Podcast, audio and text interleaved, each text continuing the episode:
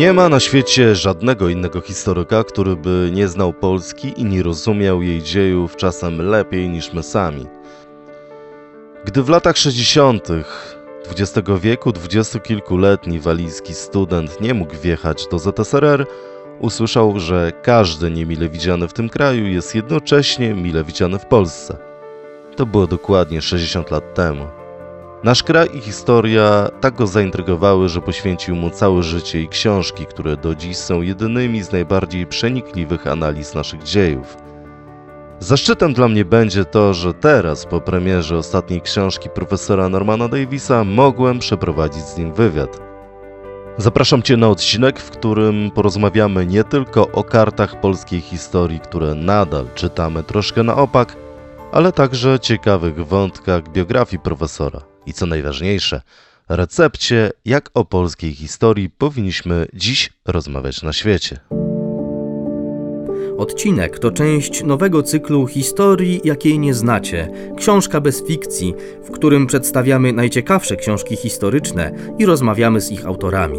Rozmowę z profesorem Normanem Davisem zrealizowaliśmy dzięki współpracy z wydawnictwem Znak Horyzont, którego nakładem ukazała się najnowsza książka brytyjskiego historyka Mała Europa Szkice Polskie. W audycji wysłuchacie także fragmentów tej książki. Trudno powiedzieć, co dokładnie popchnęło mnie w stronę Europy Wschodniej, gdyż większość moich pierwszych zainteresowań nie dotyczyła tego tematu. Po ukończeniu szkoły średniej spędziłem rok na Uniwersytecie w Grenoble. W Oksfordzie jako specjalny przedmiot wybrałem prowadzony przez Marjorie Rives kurs o epoce Dantego, a moją pierwszą stałą posadą było nauczanie języka francuskiego w szkole w St. Paul. Pracę tę dostałem zupełnym fuksem – w szkole prowadzono równolegle rozmowy kwalifikacyjne na dwa różne stanowiska historyka i romanisty. Portier skierował mnie przez pomyłkę do niewłaściwej poczekalni, gdzie nawiązałem pogawędkę z panem Lise Francais. Nie miałem pojęcia, że kierował on rekrutacją na stanowisko nauczyciela francuskiego, które w rezultacie mi zaoferowano. Nieustannie wzywał mnie jednak wschód. Już w 1955 roku pojechałem na wycieczkę szkolną w Alpy Austriackie. Przewodnikiem naszej grupy po lodowcu Dachstein był żołnierz Wehrmachtu, który przeżył zarówno Stalingrad, jak i Gułak, a to, co miał do opowiedzenia, było porywające. Właśnie tak profesor Norman Davis opisywał pierwsze wspomnienie, bezpośrednie wspomnienie z historią II wojny światowej, ale ja zawsze chciałem zapytać, jak wyglądał jego pierwszy kontakt z Polską. No to ja byłem chyba studentem w czwartym roku w Oxfordzie. Zapisałem się do wycieczki do Moskwy, bo wtedy e, Związek Radziecki był dosyć modny, to era Sputnika i tak dalej. E, raczej nie, jeszcze nie słyszeliśmy te najczarniejszych stron stalinizmu i tak dalej. I ale jak e, bywa, konsulat sowiecki w Londynie odmówił, e, odmówił nam wizę bez wyjaśnienia i byliśmy normalnie na ulicy z, z, z, bilety, e, z biletami kolej, kolejnymi i trzeba było, e, te bilety były ważne, pamiętam, do Terespolu. Nikt nie wiedział, co to jest Terespol, ale ktoś sprawdził na, e, na mapie, na ulicy. Dowiedzieliśmy, że to jest Polska, więc po, poszliśmy do konsulatu PRL-u w Londynie e, z pytaniem, czy ta grupa studentów może e, pojechać do Polski. I to był moment rewelacji. Wyszedł konsul Perelowski nie? i powiedział do, do nas, każdy, który e, nie dostał wizy do ZSSR, będzie bardzo e, dobrze przyjęty w Polsce. To był jakby pierwszy moment i wiedzieliśmy, że Polska to nie jest Rosja, że coś jest nawet w tym reżimie trochę inny. lądowaliśmy w, w, w Warszawie i owszem, szare miasto i tak dalej, nie, niedawno po wojnie, ale młodzi ludzie byli bardzo żywi, bardzo otwarci. Zaczęli od od żartów. Pamiętam nawet pierwszy rozmowa. Jeden z nich powiedział, dlaczego Polska jest podobny do Rzodkiewka, do Rzodkiewki. Opowiedź, bo czerwona na zewnątrz i biały w środku. Polska jako kraj wtedy mogło być szary i, ale lu, ludzi byli e, żywi, przyjemni i e, nie ta, e, tacy jak przewidzieliśmy. Druga rzecz, ja szybko dowiedziałem się, że nic o historii tego kraju nie wiedziałem. Ja byłem w czwartym roku na Oxfordzie i ja nie słyszałem ani pięć minut o historii Polski. I pamię stałem przed e, zamkiem, przed Wawelem w Krakowie. I zacząłem myśleć, cholera, coś tu się działo przez wieki, nie? I e, więc historia Polski była ciekawa i dlatego było, oczywiście by, e, widocznie była taka ogromna, bogata historia, ale e, wtedy działała dosyć mocno cenzura, komunistyczna i nie chcieli nam nawet mówić o pewnych rzeczach. Pa, pamiętam w Warszawie przewodniczka nie chciała, odmówiła mówić o powstaniu warszawskim. Staliśmy e, w Starówce, e, widzieliśmy, że wszystko nowe, że to był kompletnie zniszczony, były no, fotografie właśnie tych ruin E, I pytaliśmy, co, się, co tu się stało, nie?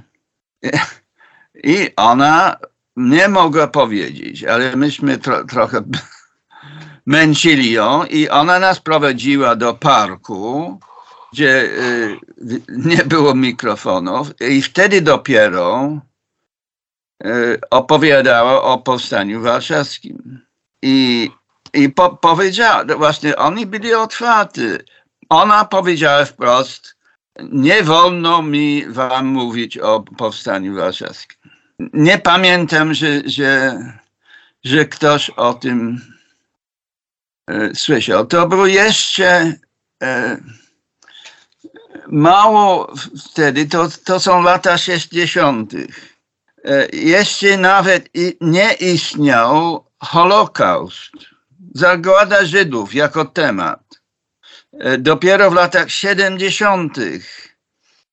E, Holokaust jakby wyszedł e, i czyli w Warszawie nie było ani jednego pomnika, nawet w mieście nie było pomnika w getcie. Świadomość, jak bardzo drażliwa politycznie może być wiedza o przeszłości, okazuje się czymś niezwykłym dla historyków brytyjskich czy amerykańskich. Aby coś opublikować, trzeba było stale przechytrzać przeciwników, znajdować źródła, zbierać się na odwagę i zastanawiać się nad kolejnymi posunięciami. Zajmując się historią w taki sposób, nie było sensu pokazywać się w archiwach ani otwierać przewodu doktorskiego. Ale oczywiście, właśnie to zrobiłem w Krakowie. To dobry przykład na to, o czym mówię. Interesowała mnie wojna polsko-bolszewicka w latach 1919-1920, do której jednak nie doszło. Doktorant nie mógł zadeklarować, że chce pisać o tym konflikcie.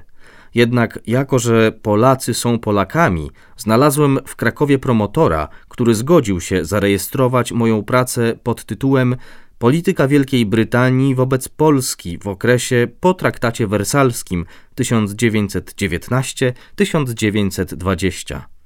Cały tekst traktował o klęsce Armii Czerwonej, ale wiedzieliśmy, że nikt w ministerstwie w Warszawie nie zechce zajrzeć do rozprawy o takim tytule. Wszyscy, którzy brali udział w całym przedsięwzięciu, łącznie z recenzentami egzaminującymi mnie podczas obrony, doskonale zdawali sobie sprawę z tego, o co chodzi. Oni również grali w tę grę przeciwko władzom. To była ogromna przyjemność. Wojna roku 1920 jedno z najważniejszych wydarzeń w dwudziestowiecznej historii, nie tylko Polski, ale i Europy.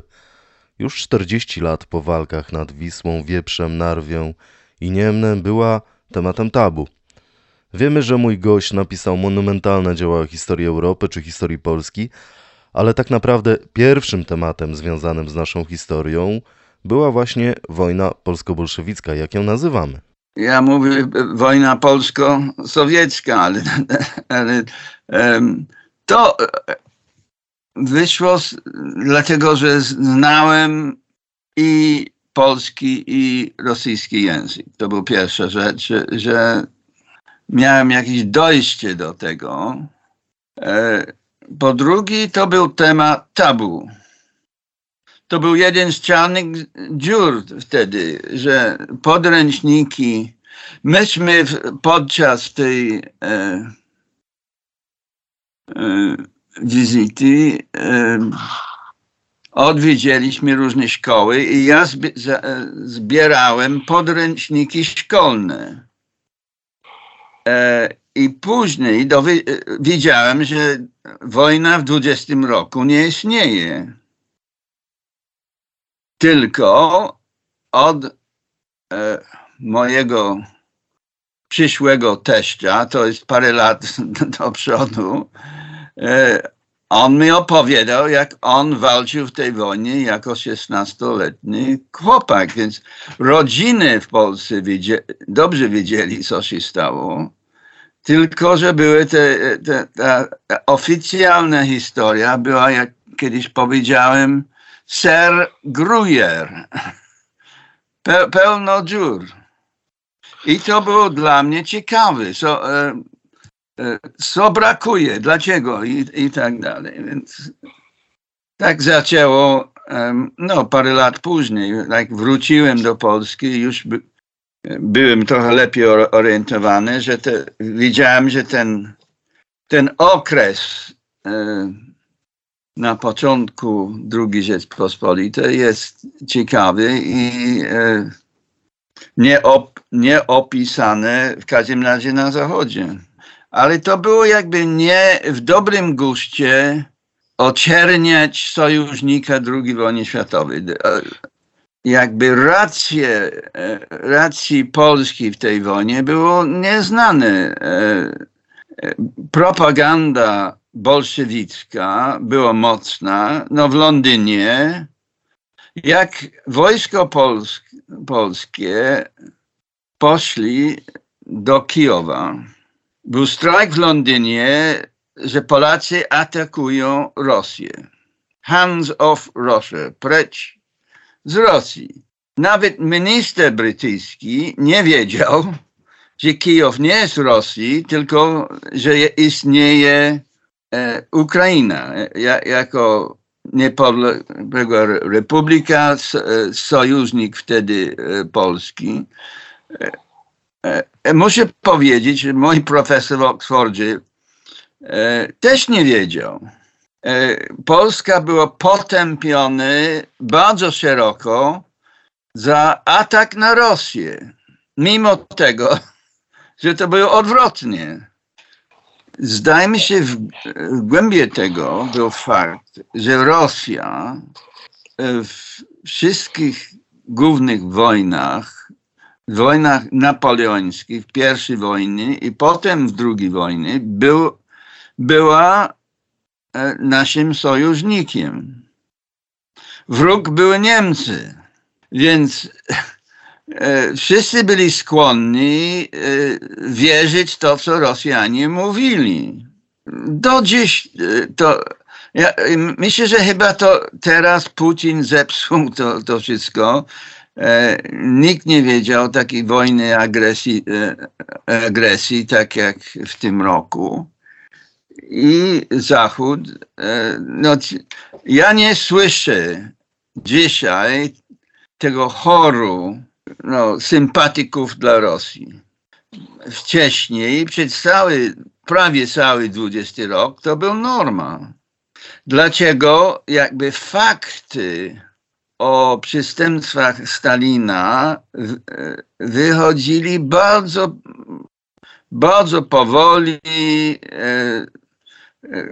zawsze przez protesty i, i, i tak dalej. Ja dosyć dobrze znałem Roberta Conquesta.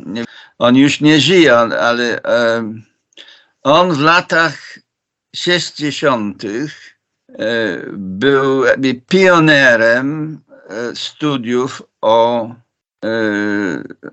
o, o ZSSR, o historii rewolucji i o stalinizmie. On napisał pierwsze książki na przykład o wielkim terrorze, czyli o Holodomor na Ukrainie. I on w latach 60, no, wtedy, kiedy ja zacząłem się interesować, on był uważany za, za wariata, za jaki, no, jakieś ekstrema. I dopiero powoli jego poglądy były, e, e, wszyscy widzieli, teraz jest przyjęty jako norma, że, że jego, e, to jest więcej niż, jego denuncjacja Stalina była absolutnie na miejscu. Wydaje się, że po ponad 100 latach po wojnie polsko-bolszewickiej, dziś, gdy trwa wojna na Ukrainie, między tymi dwoma wydarzeniami jest więcej analogii niż moglibyśmy się spodziewać. Zapytałem pana profesora Normana Davisa, czy ten pogląd można obronić oraz czy tak jak kiedyś granica cywilizowanej Europy stanęła na Wiśle, tak teraz broni się ona przed hordami ze wschodu na linii Dniepru. Oczywiście. Inwazja, agresja jakby nie, nie dwuznaczna e, i dlatego moim zdaniem Polacy nareszcie e, lepiej rozumieją e, Ukraińców. To nie bywały ta fala uchodźców, którzy się zjawili w Polsce. I nie wiemy, jak to wszystko skończy, ale to może powiedzieć, że to jest wielka zmiana. Polacy, e, którzy też mieli e, swoje e, bolesne przeżycia, oni rozumieją co, to, to, co się dzieje na Ukrainie, dużo lepiej niż ludzi na Zachodzie. Czyli pan może rozumieć, Wielka Brytania nie było, nie było inwazji przez tysiąc lat Anglicy bardzo słabo rozumieją, co to znaczy. Około 10 lat temu zwróciła się do mnie grupa Amerykanów polskiego pochodzenia, którzy protestowali przeciwko oficjalnemu dokumentowi wydanemu przez Kongres Stanów Zjednoczonych. Wymieniono w nim narody, które stanęły w czasie wojny po stronie aliantów oraz te, które splamiły się kolaboracją. Pierwszym narodem wskazanym w tym dokumencie jako nazistowscy kolaboranci byli Polacy. Powtarzam, znaleźli się oni na pierwszym miejscu.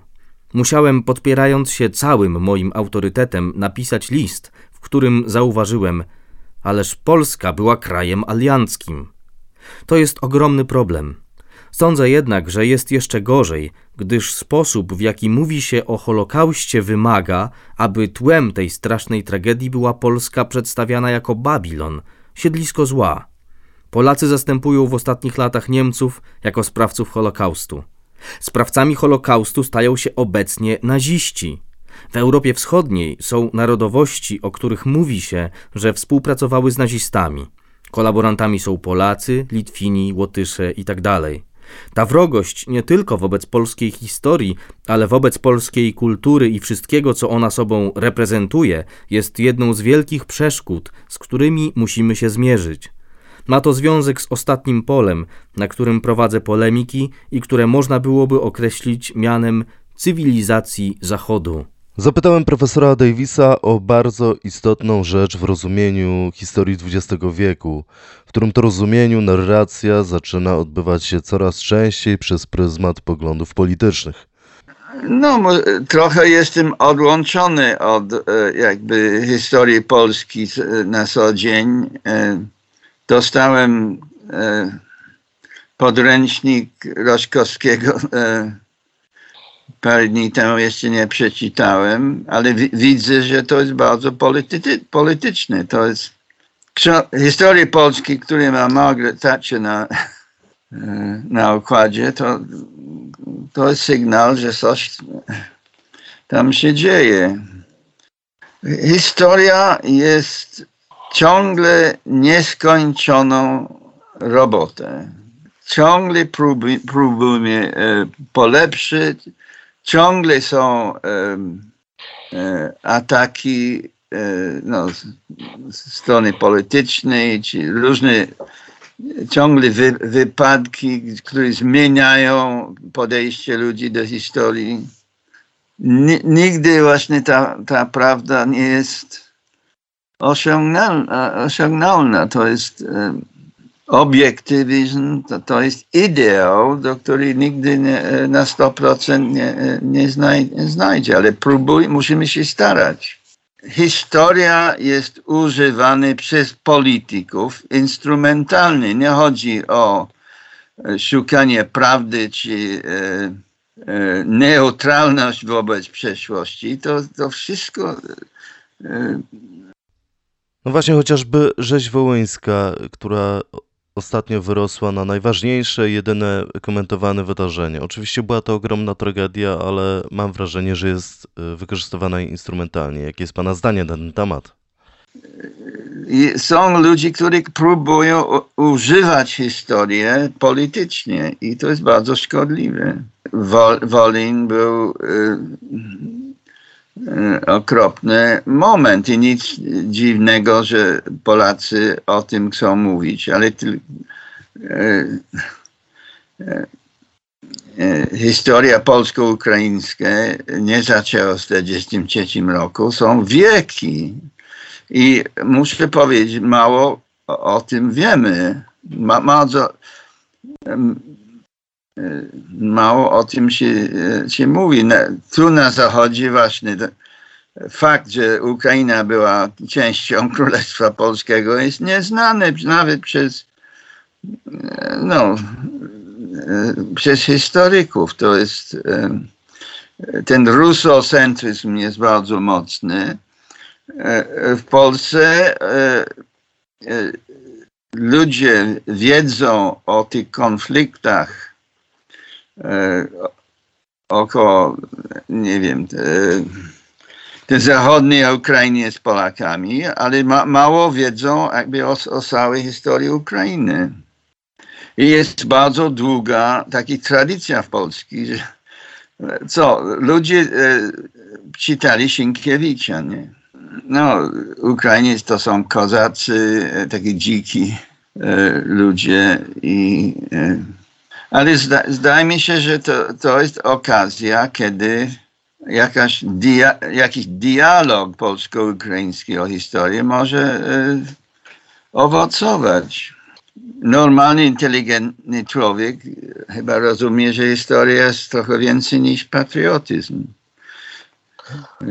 Każdy kraj ma swoje, swój e, patriotyzm, więc trzeba zrozumieć historię przez jak może konflikt patriotyzmu. Tylko z jednej strony mamy turbopatriotyzm, a z drugiej samobiczowanie. Z jednej strony kreujemy się na najbardziej bohaterski naród II wojny światowej, a z drugiej nawet na przykład nasza nobliska Olga Tokarczuk próbuje wmówić nam, że jesteśmy narodem nikczemnym i najbardziej antysemickim. Trzeba y trochę równowagę. Nie, nie, e, e, kiedyś napisałem, że Polacy są skłonni albo do e, e megalomanii, albo w drugim kierunku do e, e samobicienia, tak?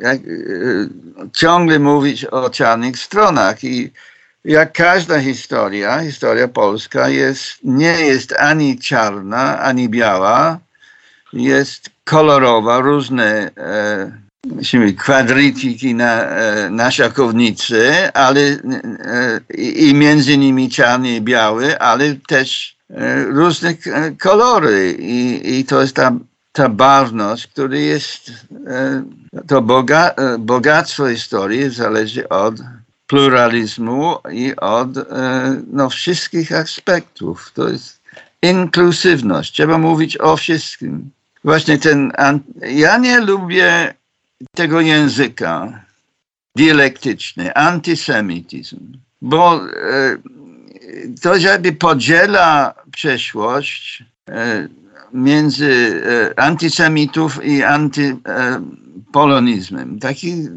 albo, albo, albo jesteś za, albo jesteś przeci przeciw.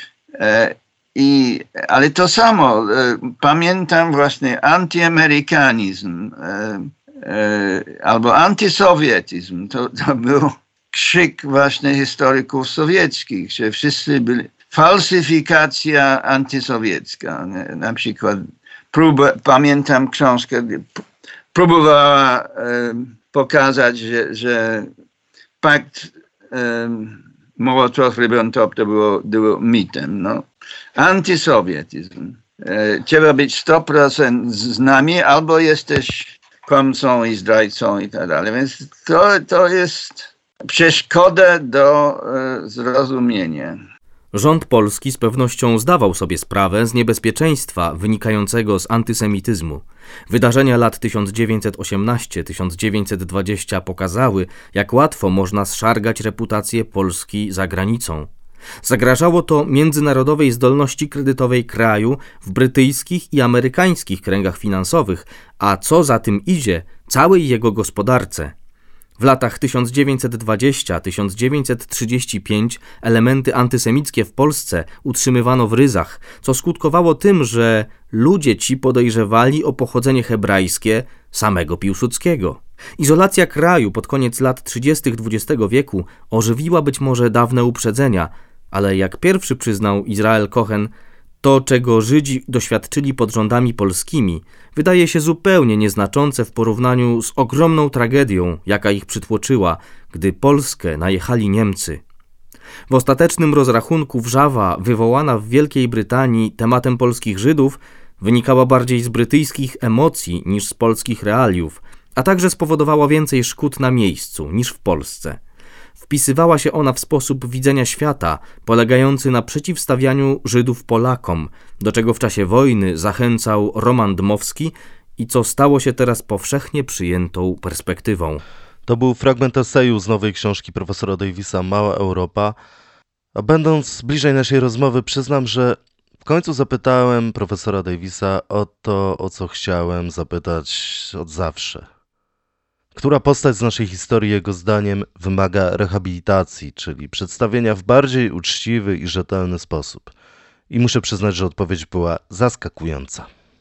No to moje podejście jest e, zawsze za inkluzywność, czyli e, ja bym powiedział coś chyba nie bardzo popularne, że trzeba poznać ludzi, z którym się nie zgadza no na przykład postać Piłsudskiego jest nie najgorzej znany, ale mało wie o, o, o stronie um, endeków, czyli nacjonalizmu pol, polskiego. I e, oczywiście endecja jest wrogiem e, e, wiele ludzi, więc e, ja nie mówię, że nie kocham Dmowskiego, ale trzeba zrozumieć, to, to był postać bardzo wpływowy, który dalej ma swoich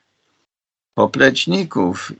No, jak powiedziałem, Dmowski nie jest politykiem do mojego gustu, ale e, e, trzeba przyznać, że on e, był bardzo wpływowy. No, trzeba zrozumieć, dlaczego Ukraińców też budują pomniki do, do Bandery. I to jest taki po, podobne zjawisko. Bandera była częścią y, tej historii ukraińskiej, tak jak Moskwa w Polsce. I y, ja też byłem zdziwiony, kiedy ten pomnik do y, Dymowskiego się po, y, powstał gdzieś tam około e, Rady Ministrów, nie? E, ale okej, okay. trzeba zrozumieć, dlaczego Piłsudski e, całe życie walczył z, z, z Dmowskim. poznać swoich wrogów, można powiedzieć. Trzeba być ostrożny zamordowanie ludzi, jak na przykład Bandera w czasie tych okropności na wojnie był w obozie, nic, nic wspólnego nie miał. To byli inni, to była inna frakcja, która powstał, powstała po aresztowaniu Bandery i e, e, ale ogólnie biorąc, trzeba zrozumieć, że każdy naród ma sw swoje nacjonaliści. E, wszyscy. E, na przykład sprawa polsko-żydowskich. Trzeba rozumieć, że, e, że u Żydów też był sionizm dosyć ekstremalny.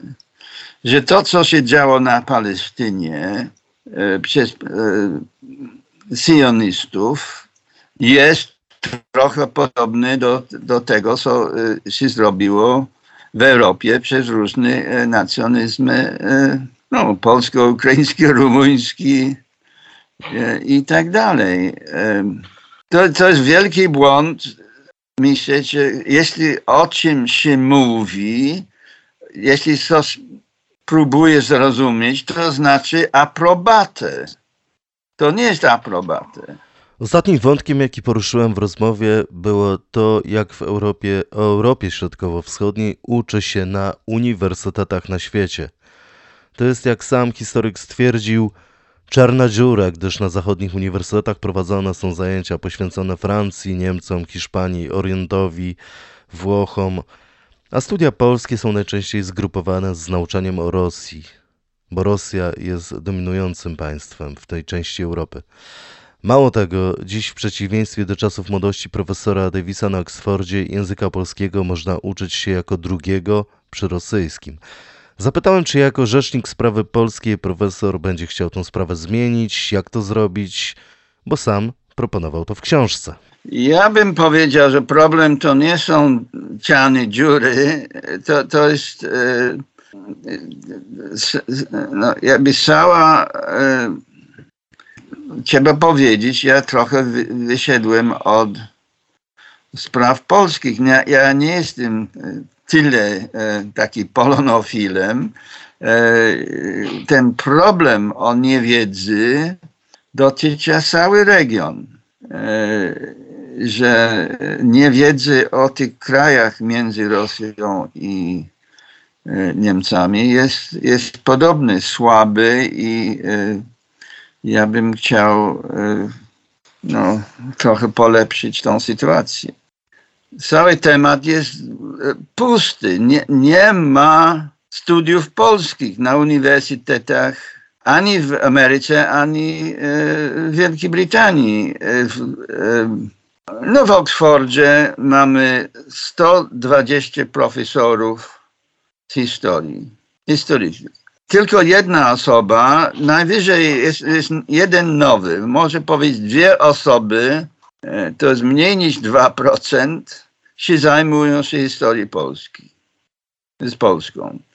E, I to jest norma. Jest jeden, w Wielkiej Brytanii ma 130 uniwersytetów. Jest jeden z nich prowadzi solidny kurs o kulturze polskiej w Cambridge.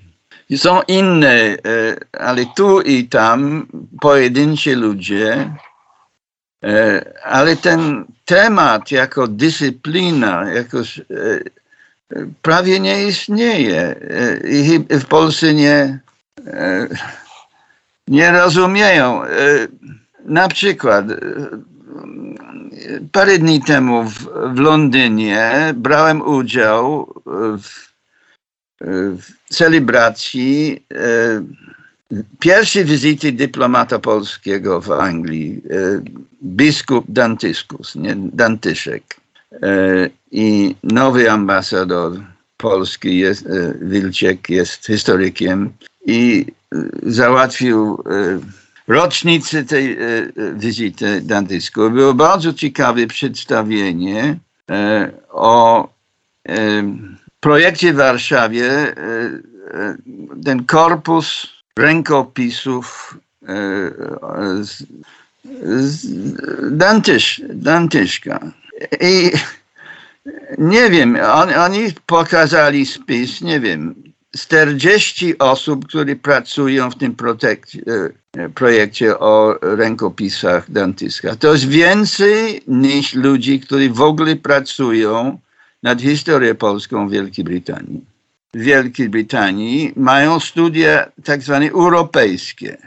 I, i to jest bardzo dobra e, struktura. Studenci e, robią e, parę lat e, takiej wspólnej historii, e, no, prawo europejskie i tak dalej. Wtedy wybiorą jeden kraj i spędzają rok w tym kraju i napiszą dysertację w czwartym roku o tym kraju.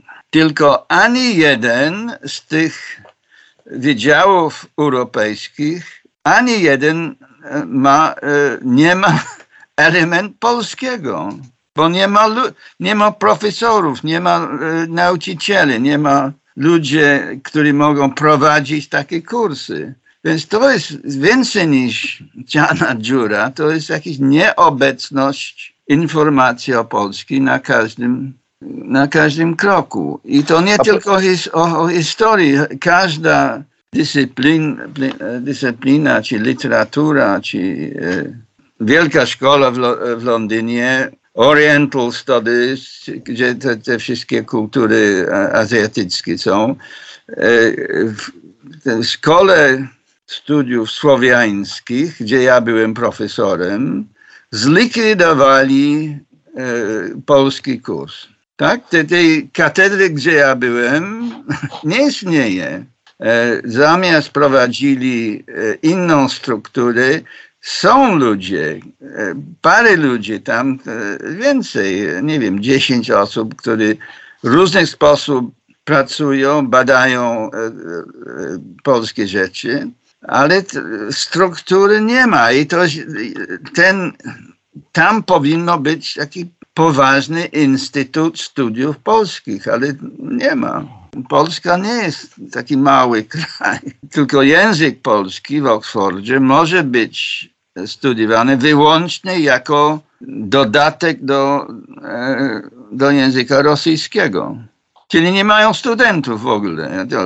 Parę studentów co pięć lat, ale to jest XIX-wieczny panslawizm, gdzie wszystko co rosyjskie jest ważne i co, wszystko co nierosyjskie, czy nie tylko Pola, polskie, ale czeski, serbo-chorwacki i tak dalej, jest uważane za, my mówimy also runs, nie, taki, taki nieważne, nie, nieważne y, tematy. I dlatego E, powtarzają te, taki e, niesmaczny, nie, nieprawdziwy historie o Polsce. Bo to, e, to pytanie musi paść. Kłamią o Polsce i jej historii? Kłamać jest mocne, to, to znaczy kłamią celowo. Ja bym powiedział, bardzo częściej ludzie mówią głupoty przez niewiedzy, przez ignorancję.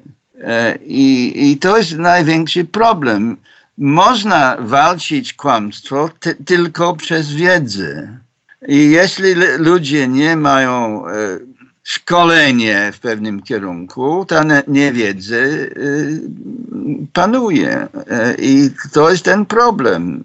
Teraz chyba coraz, coraz lepiej ludzie rozumieją, jak, jak te kłamstwa rosyjskie krążą przez, przez wieki, nie przez parę lat. Ta, ta rosyjska wersja historii był propagowany przez, od, od, od czasów Sarów. I to nie tylko dotyczy, do, dotyczy wszystko, nie wiem, religię, historię, religię historię, politykę, historię ekonomii i tak dalej. Moim zdaniem doszliśmy do moment, że przeciętny człowiek rozumie, że coś nie jest w porządku z, z tym, co, co Rosjanie mówią. E, bo, e, jak Putin powtarzał, nie wiem, sto razy, że nie będzie inwazji Ukrainy. Codziennie przez miesiące. I wtedy była inwazja. E, chyba każdy półinteligent rozumie, co się dzieje. I, I teraz to ma efekt na wszystko, co, co się mówi o, o Rosji. E, I to jest pierwszy raz w moim życiu, że ja nie słyszę tego choru, że e, no, zawsze są dwie strony każdego konfliktu. E, no owszem, Ro Rosja jest, jest trudna, ale Ukraińcy, coś z Ukraińcami musi być nie w porządku. I teraz to, to ludzie pomalu zaczynają zrozumieć. To już wszystko, jeśli chodzi o nasze spotkanie z profesorem Normanem Davisem. Mam nadzieję, że ta rozmowa była dla Was interesująca. W najbliższym czasie będziecie mogli posłuchać odcinków z dwóch różnie zupełnie innych historycznych światów. Z jednej strony powstał cykl o historii polskiego kina, w tym sylwetek dwóch wybitnych polskich aktorów i subiektywne omówienie najważniejszych polskich filmów historycznych, z drugiej ważny i smutny odcinek o wydarzeniach z grudnia 1922 roku, gdy z rąk zamachowca zginął prezydent Gabriel Narutowicz. To wszystko do wysłuchania na platformach Spotify, Google i Apple Podcast, a także na OpenFM Wirtualnej Polski, gdzie także możecie słuchać historii, jakiej nie znacie. Zatem do usłyszenia. Historia, jakiej nie znacie. Ludu pracujący stolicy! It is a dream deeply rooted in the American dream. We'll never surrender. Że mu tę rękę władza ludowa odrąbie. Ich.